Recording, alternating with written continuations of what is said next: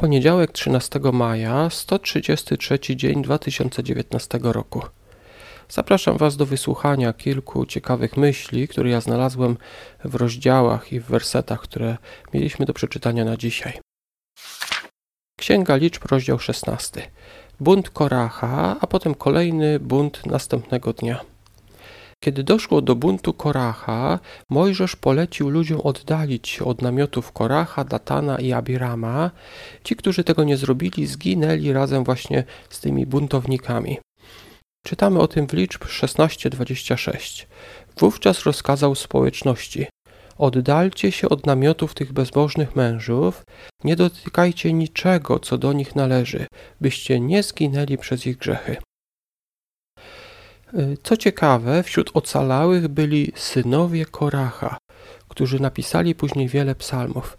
Także tak więc mimo tego, że Korach zbuntował się przeciwko Mojżeszowi i prawdopodobnie większa część jego rodziny, jego synowie nie zbuntowali się y, przeciwko Mojżeszowi i nie zginęli podczas tej plagi, która wtedy spadła. Księga Hioba, rozdział 19. Odpowiedź Hioba na drugą przemowę Bildada. Hiob opisuje tutaj swój stan. Hioba 19:17. Żonie mój oddech niemiły i cuchnę własnym dzieciom. Na pewno Hiob y, z powodu tej choroby nie pachniał zbyt ładnie, ale jak rozumieć ten werset, że cuchnę własnym dzieciom? Przecież w tym momencie Hiob już nie miał dzieci, one wszystkie zginęły zaraz pierwszego dnia, kiedy spadły na niego te plagi. E, cuchnę własnym dzieciom to dosłownie cuchnę synom mego łona. E, łonem Hioba było łono jego matki.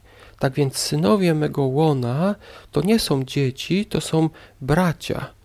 Czyli Hioba odrzuciła jego żona z powodu jego oddechu. Ona napisał tutaj żonie mój oddech niemiły. Ona pewnie niezbyt chętnie podchodziła. I także bracia odrzucili się od Hioba z powodu jego zapachu.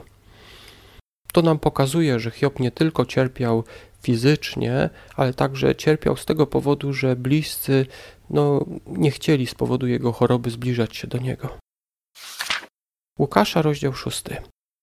Kwestia szabatu, później wybór dwunastu apostołów, potem kazanie do tłumów. Łukasz opisuje tutaj kazanie Jezusa, które jest bardzo podobne do tego kazania na górze, które opisał Mateusz w 5, 6 i 7 rozdziale swojej Ewangelii. Albo obaj, czyli Łukasz i Mateusz opisali to samo zdarzenie, ale Mateusz zrobił to dokładniej, albo Jezus powtarzał co jakiś czas te same myśli, ale w trochę inny sposób.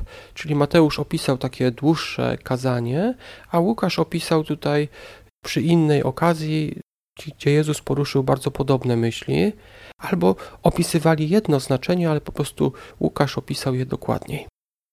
Zobaczmy do Łukasza 6:36. Bądźcie miłosierni, jak Ojciec Wasz jest miłosierny. Na czym polega bycie miłosiernym na wzór Ojca? Jezus wcześniej, we wcześniejszych wersetach mówi, że nawet grzesznicy okazują miłość albo miłosierdzie tym, którzy ich miłują, albo pożyczają ludziom, gdy spodziewają się oddania. Tak więc y, grzesznicy pożyczają czasem pieniądze, czasem bez odsetek i po prostu oczekują, że ktoś kiedyś im odda pieniądze. Chrześcijanin powinien robić więcej niż y, ludzie, którzy są w świecie, którzy zostali tutaj nazwani grzesznikami. Mają być tak doskonali jak Ojciec, być tak doskonali jak On, tacy miłosierni. Jak to robić? Między innymi na przykład, e, gdybyśmy kochali tych, co nas kochają, to byśmy robili to, co wszyscy ludzie w świecie.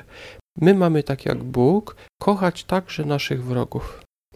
I właśnie wtedy będziemy tacy miłosierni jak Ojciec. Psalm 119, versety 9 do 16. Kolejne wersety wysławiające Boga i Jego prawa.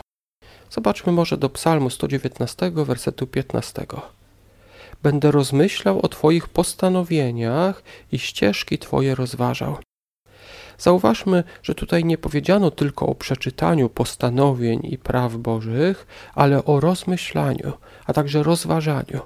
Rozmyślanie może polegać na przykład na tym, że zastanawiamy się, dlaczego Bóg dał takie prawo, czemu na przykład Bóg zabronił tej czy innej rzeczy. A rozważanie y, to Ten czasownik, zobaczmy, polega na tym, że ktoś rozważa, czyli są jakieś rzeczy, on dzieli je, rozważy trochę tu, trochę tam. Ten czasownik, wydaje mi się, wskazuje na to, że ktoś dzieli rzeczy na jakieś. To słowo rozmyślanie, będę rozmyślał o Twoich postanowieniach, wskazuje na to, że ktoś nie tylko przeczytał, ale głęboko się zastanowił. Podobnie to drugie słowo, rozważał, też wskazuje na pewną pracę, na pewne zastanowienie. Bardzo ważne jest rozmyślanie i rozważanie nie tylko Biblii, ale także innych spraw, które przydarzają nam się w życiu, na przykład pewnej decyzji, które mamy podjąć, czy, czy innych rzeczy. Księga Przysłów, rozdział 14, wersety 25 do 27. Ja wybrałem dzisiaj werset 27, gdzie czytamy: Źródłem życia jest bojaźń pańska, aby sideł śmierci unikać. Ktoś może na przykład powstrzymywać się od, jakiegoś, od jakiejś rzeczy, którą w Biblii Bóg nazwał grzechem. Z jakiego powodu? Bo się boi Boga, bo Bóg powiedział, że ukaże ludzi, którzy zrobią taką, a nie inną rzecz. I co się dzięki temu stanie? Taki ktoś uniknie sideł śmierci, bo Bóg w Biblii w zasadzie zakazał rzeczy, które często prowadzą do śmierci. Może ta śmierć nie zawsze jest bardzo prawdopodobna, ale jest dość prawdopodobna, także przestrzeganie Bożych przykazań naprawdę pozwala nam uniknąć prawdopodobnej śmierci w pewnych sprawach. Ja już dziękuję Wam za wysłuchanie. Zapraszam do kolejnego odcinka jutro. Do usłyszenia.